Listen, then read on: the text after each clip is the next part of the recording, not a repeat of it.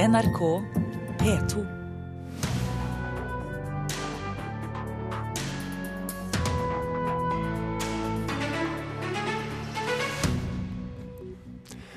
Den amerikanske salgsdagen Black Friday er eh, altså blitt Black Friday Week i Norge. Butikkjedene står i fare for å vanne ut hele konseptet, mener reklameekspert. 83-åring har med diktopplesing tatt landet med storm gjennom TV 2-programmet Norske talenter. Nå blir det bok av diktene hans. Og Fredagspanelet diskuterer i dag den lysende fremtiden til norsk TV-bransje, den potensielle milliardbibliotekskandalen i Oslo og høyrebasert satire. Og så får vi se om vi klarer å ta det siste poenget der uten at det oppstår ironi i Fredagspanelet. Jeg har mine tvil. Som vi tidligere har hørt i Nyhetsmorgen og nå nettopp i Dagsnytt, så advarer Forbrukerombudet, Forbrukerrådet, mot gode tilbud som ikke er tilbud, når handelsstanden i dag markerer salgsdagen Black Friday. Den amerikanske tradisjonen har tatt av i Norge de siste årene, men i år tok det hele en ny dreining, som ifølge reklameeksperter kan fjerne hele effekten. En rekke butikkjeder har nemlig smurt salget utover hele uka med begrepet Black Friday Week. Ja, Det har jeg gått rundt og lurt på, du. Voldsomme tilbud må jo være noe som kom fra USA.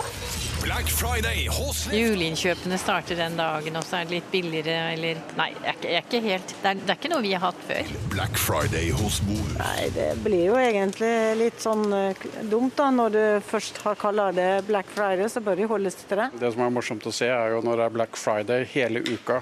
They have Black Friday all week. Årets nye fredag hele uka-konsept vanner ut den amerikanske tradisjonen med pangsalg, sier Olav Svartøyen i HK reklamebyrå til Adresseavisa. Han tror norske kunder gjennomskuer kampanjen. At det ikke er de her sinnssyke tilbudene som, som man ofte ser i USA.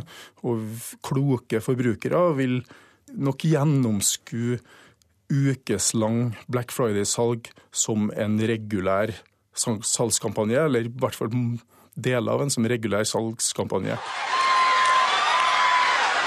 Amatøropptak på YouTube fra Black Friday-salg i USA viser folk som blir trampa ned, og det oppstår håndgemeng om de billige salgsvarene.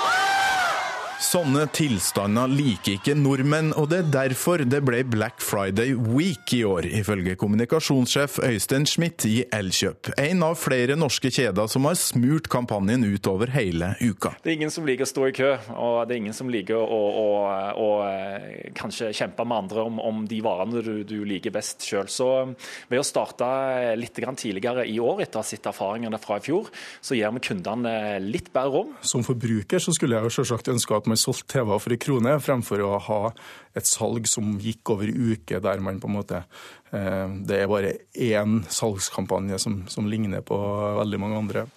Det er ikke alle som automatisk synes amerikanske salgstradisjoner er en god idé. Senterleder ved CC Gjøvik, Vibeke Askevold, har vært skeptisk til konseptet.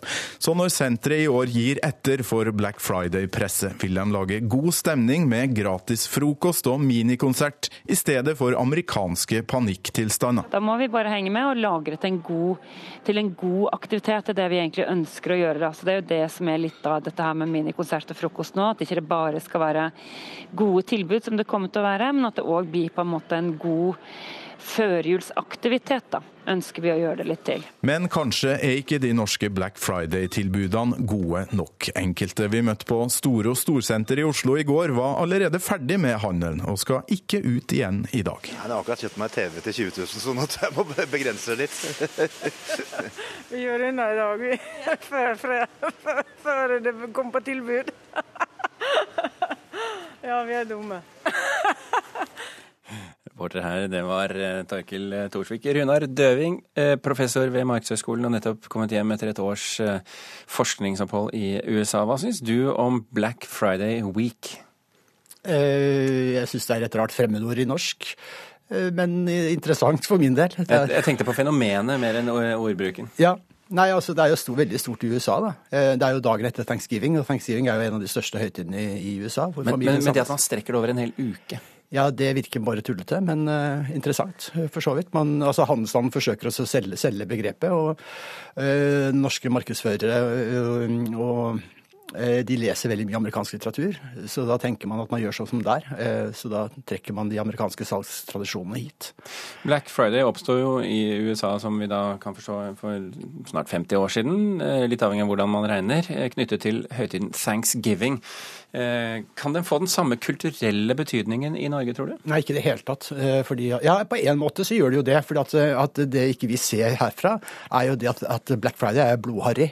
Altså Det er som grensehandelen og verre enn det. Eh, Så eh, de fleste i USA eh, ser på det som helt absurde ting som man absolutt ikke vil finne på. Og, det så, og disse YouTube-klippene er, er veldig populære i USA også. Men, at- men hva ved det er det som er, er harry? Ja, altså Det å stå i kø for, et, eh, for å tjene 100 kroner og stå opp hele natta for å så shoppe, og særlig fordi at det er dagen etter thanksgiving hvor man skal være glad for det man har fått. Slik at den kristne amerikanske tradisjonen ser med dette med en veldig stor dobbelthet. Og det er jo mange steder som, som forsøker å begrense det, og det er mange stater som eh, har stengt den dagen f.eks. Så det er jo Altså at det er amerikansk i vår forståelse av det, det er svært misforstått. Hvis man spør internett, så oppsto Black Friday her i Norge i 2009, da Norwegian Outlet i Vestby utenfor Oslo satte i gang. Halloween og Valentine's Day har jo også fått fotfeste, godt fotfeste også, og denne uken så serverte også til og med flere norske restauranter Thanksgiving-måltider.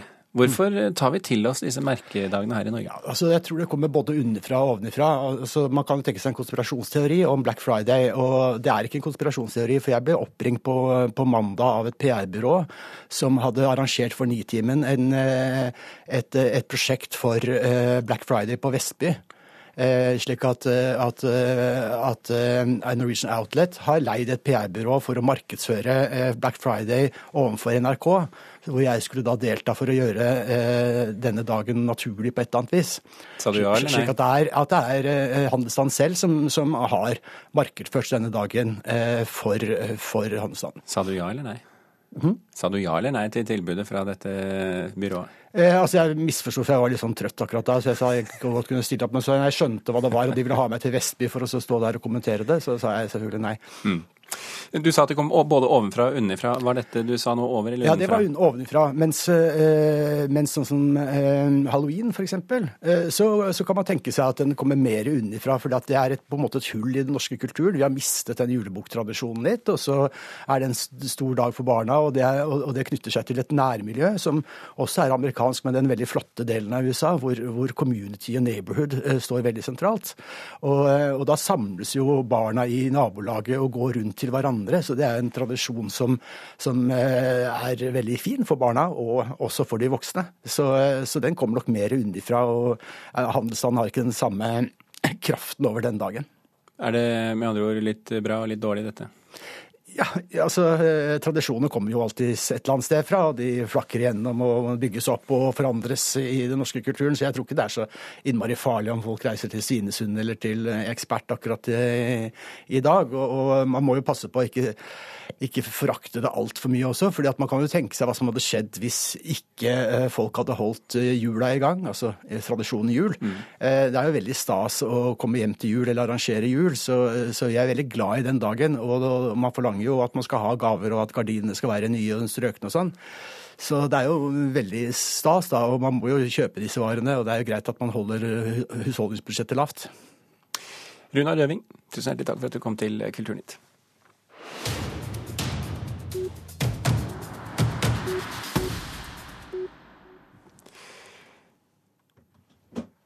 En kiste med flere tusen ukjente bilder er funnet i Roald Amundsens hjem, skriver Aftenposten i dag. I tillegg til bilder fra Amundsens ekspedisjoner, så var det dokumenter og foredrag i denne kisten. 80 år etter at staten overtok huset på Uranienborg i Oslo, fant altså Henrik Smith, avdelingsdirektør ved Follo museum, kisten innerst i en bod.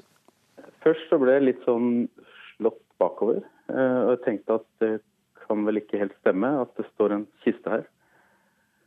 Eh, Men så kom den derre følelsen av wow, dette er faktisk det jeg tror det er. Det her er en eh, skatt, eh, rett og slett. Og så ble jeg veldig usikker på hva jeg skulle gjøre. For jeg var alene, og kista var tom. Og så, så måtte jeg kjøre til museet og la den stå igjen. Og hente pakkemateriell og så dra tilbake igjen og begynne å pakke forsiktig. Så det var følelsen. Det var en fantastisk følelse. En once in a lifetime. Så var det jo glassplater og Dias øverst. Og en haug med bilder, og litt forskjellig. Avisutklipp, eh, invitasjoner, masse forskjellige foredrag. Jeg har en bønn til deg, soldat. Du er så ung. Forstå at hat er noe eldre folk har skapt. Sier et hjerte som har tapt. Med dette kan i kveld 83 år gamle Magne Larsen stikke av med seieren i TV 2-programmet Norske talenter. Han har berørt dommere, publikum og seere med sin diktlesning. Det er et behov for mer alvor og oppriktighet i dagens samfunn, sier litteraturviter om suksessen. Jeg skal lese et dikt som heter 'Bønn til en soldat'. Slik starter dikteventyret for 83 år gamle Magne Larsen.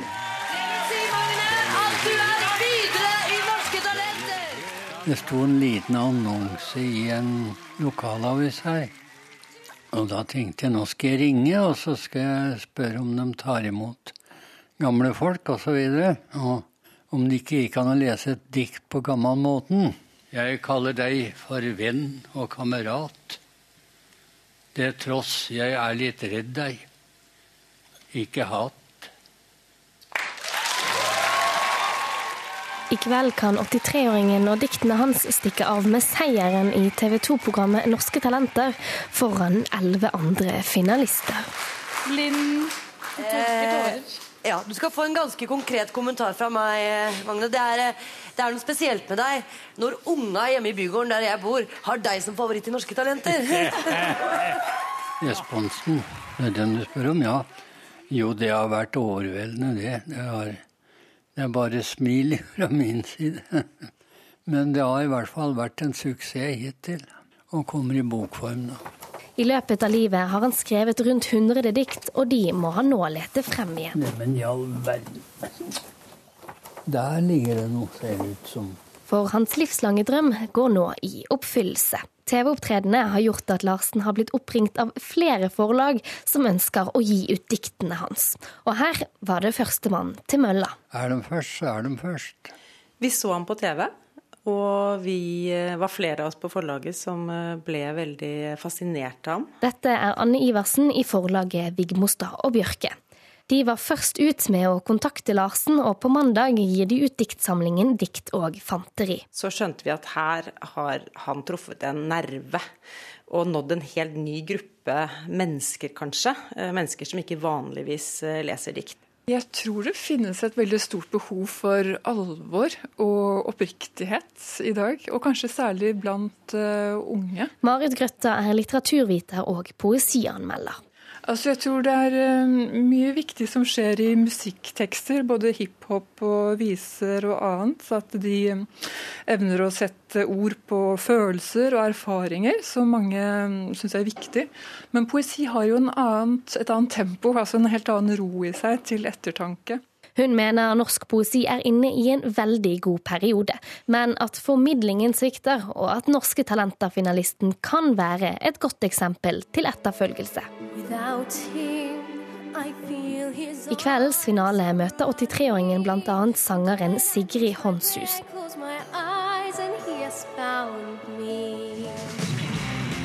Og gitaristen Odin Landbakk.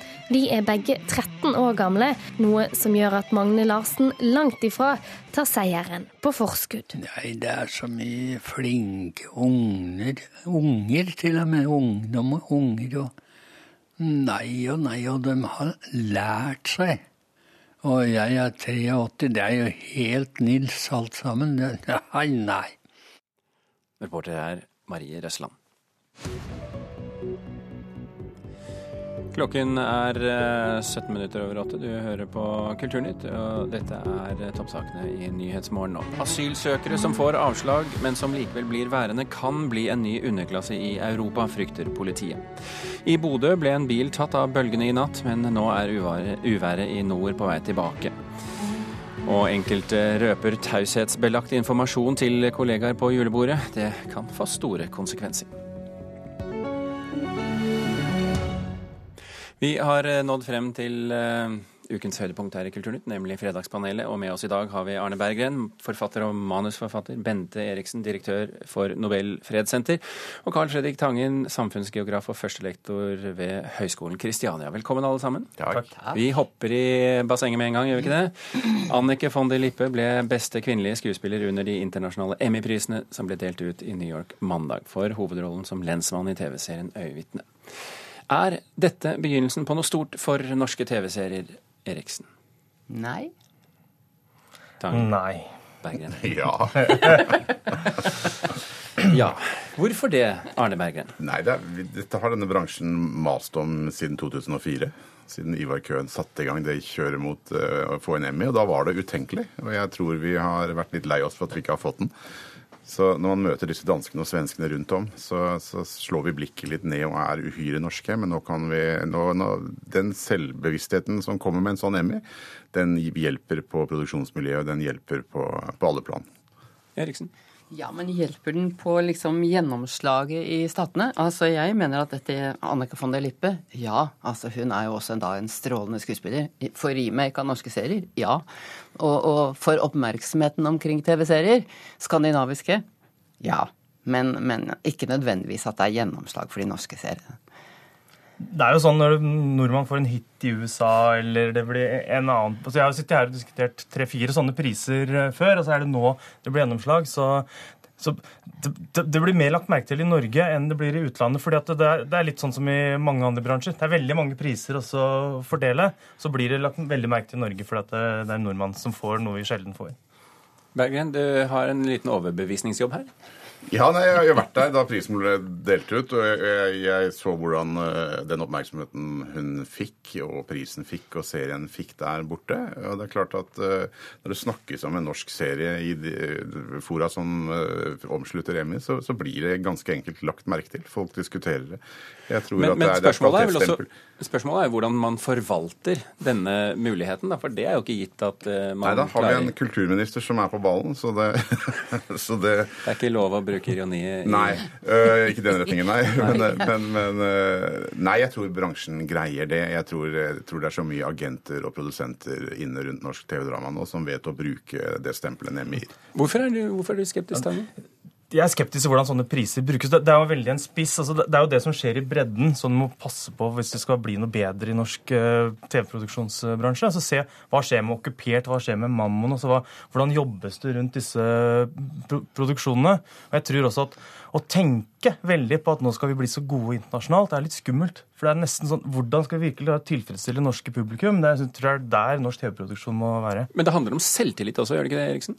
Nei, men Det handler om å lage gode serier. Og er det begynnelsen på noe stort, var spørsmålet. Vel, mm. jeg er usikker, men det er helt klart at norske TV-serier har løfta seg og er på sporet, sammen med de andre skandinaviske landene. Ja. Vi, får, vi, får, bare vente og se, som det heter. Ja, Oscar og Emmy er oppskrytt. Ja, Kom tilbake når det blir Oscar. Vi, jeg lover dere at dere tre skal få lov da. Det er film, det, da. Det får være det samme. Det nye byrådet i Oslo vurderer å stanse byggingen av et nytt Deichmanske hovedbibliotek. Byggearbeidene er allerede i gang mellom Oslo S og Operaen i Bjørvika, og nå er kampen i gang nok en gang om nytt bibliotek i hovedstaden. Det har vært en lang harang. Er det så ille at et nytt kulturhus som allerede blir mye dyrere enn antatt, blir stanset? I prinsippet ikke. ja. Ja. Hvorfor eh, det, Tangen? Um, for, altså, det, jo, det, dreier seg om uh, mulighet for å planlegge kulturpolitikken. Uh, jeg hadde, det hadde ikke spilt noen rolle hvis det biblioteket lå et annet sted også, men hele Bjørvika-utbygginga er gjort med sånn, argumenter rundt fellesskapet. Oslo trenger det. Altså, vi skal ha operaen her, så skal vi andre kulturinstitusjoner her. Og så når, når kulturinstitusjonene forsvinner, så blir det jo bare eiendomsprosjektet som, uh, som står igjen. Og da har, altså, da har liksom fellesskapets område, havneområdet og sånn, det har blitt gjort om til et sånt bolig- og prosjekt og et område hvor de store konsulentselskapene og bankene holder til. Og det syns jeg er sånn, en svært sånn svindel av, av fellesskapet. Så det, her, jeg syns ikke at det skal, kan, kan, gå an i det, i det hele tatt. Jeg mener jo at Bjørvika trenger Deichmanske. Altså, vi snakker om et sted som kan bli en møteplass for 2,5 millioner mennesker. Av alle, Da, da, alle da tolker du Stor-Oslo ganske stort. Ja, men jeg snakker om de som de beregner faktisk å få besøk av gjennom et år, rett og slett. da. Ikke sant? Og det er ganske mange. Så jeg tror at det, Og jeg syns jo det er synd, her har man altså da gravet denne berømmelige gropen. Jeg håper inderlig at det liksom ikke blir Raimonds renommé. Raimonds grop til 800 millioner. Var- Jeg svarte ganske på det, altså på det prinsipielle her. Fordi det er klart man kan revurdere. Jeg syns vi bør drite i hele lambda. Man kan revurdere litt oftere. Men det er jo skandaløst at, man, eh, at det går utover Deichman igjen, at man må vente. Så jeg, Men, men dette handler jo om at grunnforholdene har vært mye vanskeligere å håndtere enn eh, det, eh, enn det de trodde. Altså Det har rent vann inn, og de har ikke funnet hølet i, i gropen. Eh, Nå har de klart å tette det, tror jeg. Eh, Du virker veldig lite ingeniøraktig når du sier det, merker jeg. Men Ja, det har du nok, der har du et poeng. Poenget mitt er at dette ville jo kostet så mye uansett hva man bygde der. ja, Jeg, jeg, jeg er målløs bare å høre deg beskrive det hører Jeg greier ikke å Du greier ikke å Men jeg mener, det vi diskuterer, er jo om vi skal ha et bibliotek, et stort bibliotek i Oslo eller ikke, og nødvendigheten av det. Og, og at det trengs i Bjørvika fremfor andre steder, tror jeg er ganske øh, sikkert. Jeg er utdanna geograf og har lært litt om Oslos eh, historie. og Det der kunne jeg sagt, altså som ikke er ingeniør eller skjønner meg veldig mye på det. så Det dreier seg mer om sånn som alt sånt argumenteres. Altså Du later som om det er billigere enn det, enn det skal være. Så Det som er faren, tror jeg, med Bjørvika, det er at det blir eh, ødeland. Når bortsett fra akkurat når det skjer noe der. Så blir det for blåst og fælt. fordi at det, de bygga som er sånn kommersielle, de blir tømt av folk som drar hjem til Bærum og eh, andre, andre steder. Og så kan det bli goldt i gatene. Så at kultur, mange kulturinstitusjoner trengs for at det hele tatt skal få den bydelen til å Men når har man overhodet truffet på budsjettet til et kulturbygg? Kan noen nevne meg noen Men når gang? var det vi begynte å bli opptatt altså Bjørvika, Vi driter jo i Bjørvika. Kan vel ligge goldt for meg for min del. Og riv hele hotellet til to nå, så la operaen stå igjen alene. Det er jo, altså det der suget etter ting i Bjørvika, det er et skapt behov, Tangen. Hva med å flytte norsk TV-bransje ned til Bjørvika? Ja, kan sitte i hølet der, ser en liv, ja. Altså, Jeg har jo foreslått at det bør asylmottak i Bjørvika for at du virkelig skal få livet hele, Men hele, da hele døgnet, hele men, året. Men da må de bygge noe i gropen først, ellers tar det seg dårlig ut. Kan du bygge asylmottak i stedet? Ja. Ok, Vi hopper på neste spørsmål. Det datt inn i går ettermiddag i, i Fredagspanelet fordi Kringkastingsrådet mente da nemlig at satiren eh, i NRKs programmer er venstrevridd, og rådet ber derfor NRK bygge opp et satiremiljø med humor fra høyresiden, eh, tillegg til, som de da sier, den nåværende satire med ståsted på venstresiden. Så spørsmålet vårt er er det på tide med høyrevridd satire. Ja. Jeg vet ikke hva jeg skal si. Nei, nei, nei, nei. nei. Berggren. Ja, ja. ja, ja. Jeg fikk eh, nå et inntrykk av at eh, Carl Fredrik Tangen mente det, og du ikke mente det, så vi begynner på Mener aldri noe. Jeg tar det Tar det som det tar kommer. det kommer. Ja. Altså, Den Kringkastingsrådets posisjon er jo helt uh, umulig. Men det som ligger under der, altså at det er noen stemmer som kommer fram forskjellige steder, og andre ikke. altså at mye av, så det Kanskje den mest anerkjente delen av kulturlivet er venstrevridd, uh, f.eks. Jeg, jeg kan på et eller annet vis skjønne det, selv om partipolitisk eh, humor som blir helt eh, håpløst. Så, så kan jeg, skjø- jeg kan skjønne et eller annet av den der irritasjonen som ligger bak som folkets representanter i Ja, men, skal vi ha, men skal vi ha et eh, høyrevridd satiremiljø? Jeg syns ikke du skal ha partipolitisk satiremiljø i det hele tatt i NRK. Nei, Eriksen. Nei, det er jo innlysende at eh, man ikke kan klassifisere det på den måten. Jeg syns det er vanskelig å være morsom om akkurat det temaet, ja, for det blir liksom litt farlig hvis man skal uh... Men hvorfor sitter dette så vanskelig til i deg? Fordi at jeg ser jo på deg at du har problemer med å, å, å snakke om det. artikulere meg. Ja. ja, men det er helt riktig. Og jeg tenker, her sitter altså en, en gjeng forholdsvis oppegående mennesker som sammen klarer å ta en beslutning som jeg syns er så hakkande gal. At, Hva er det som er eh, galt med den? Nei, jeg tenker at du kan ikke eh, kvotere inn, eller du kan ikke kommandere. Altså, det er jo helt innlysende. Nei, det er jo ikke helt innlysende for Nei, Kringkastingsrådet. så da nettopp. må Og det er jo det som er så helt Ja, hvorfor er, det ikke, hvorfor er det det for deg? Trenger vi Arne Bergen her for å sette ord på det? Ja.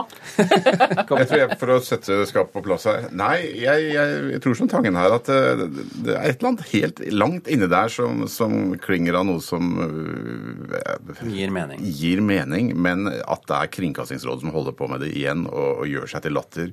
Uh, at man f- forsøker å sette ord på det på den måten at man forsøker å dirigere et redaksjonelt miljø og sånn. Det, er- det, det er jo trist, og det er ufrivillig komisk. Men det er jo et råd. altså Kringkastingsrådet er et råd. De, de, bestemmer ingenting. De må jo si noe til Tor Gjermund Eriksen, og så må Tor Gjermund Eriksen eventuelt følge opp, men, men det Men jo jeg syns at Kringkastingsrådet skal ta seg av telefonstormer og så, og så, og så vurdere altså ta, Telefonstormer syns jeg er Kringkastingsrådets rådets bord, men, men, men er det ikke litt sånn at det begynner å uttale seg stadig oftere om ting som ligger liksom litt på siden? Er det ikke, er det ikke litt sånn vel taletrengt, dette rådet for tida? Det var ikke sånn før. Du stiller spørsmålet, jeg har ikke svaret. Eh, eh, hva, hva med deg, Eriksen? Har du kommet til hekten igjen? Ja, nei, jeg syns de er vel taletrengte. Jeg syns de misforstår oppgaven sin. Jeg, eh, på hvilken måte da? nei, At de rett og slett tar stilling på om hva slags programprofil NRK skal ha. Det er ikke Men er det det at de gir et konkret råd som er problemet her, eller er det eh, det at de i det hele tatt snakker om det? Det er jo helt konk altså Det de egentlig snakker om, er jo skal du ha innvandringsfiendtlig eh, humor eh, eh, eller ikke. Ja, det er vel kanskje ikke akkurat Det det de det satt og tenkte på i går. det er, det er jo som, det er jo, de snakket, hvis jeg så på det hele den diskusjonen, det var jo så mye snakk om altså, hvordan Asle Toje blei Mobba? Ble, ja, ble mobba og blei behandla. Sånn at det, det innvandringsfiendtlige som stemmer tenker da, vi blir, betrakt, vi blir sett på som umoralske. Det er som, altså, de liksom ikke godtar måten de blir behandla på i den offentlige debatten. Det trengte jo ikke være noe stort miljø. Det kunne jo bare vært et par-tre nynazister som ha humor? seg litt. Dette vil vise seg hvordan NRK håndterer det. Vi vet ikke. Vi vet kun at vi slipper det som tema her i Fredagspanelet, og vi slipper strengt tatt hele Fredagspanelet også. Vidar Sem og Birger Kolsrud Jåsund takker for følget. Hør flere podkaster på nrk.no podkast.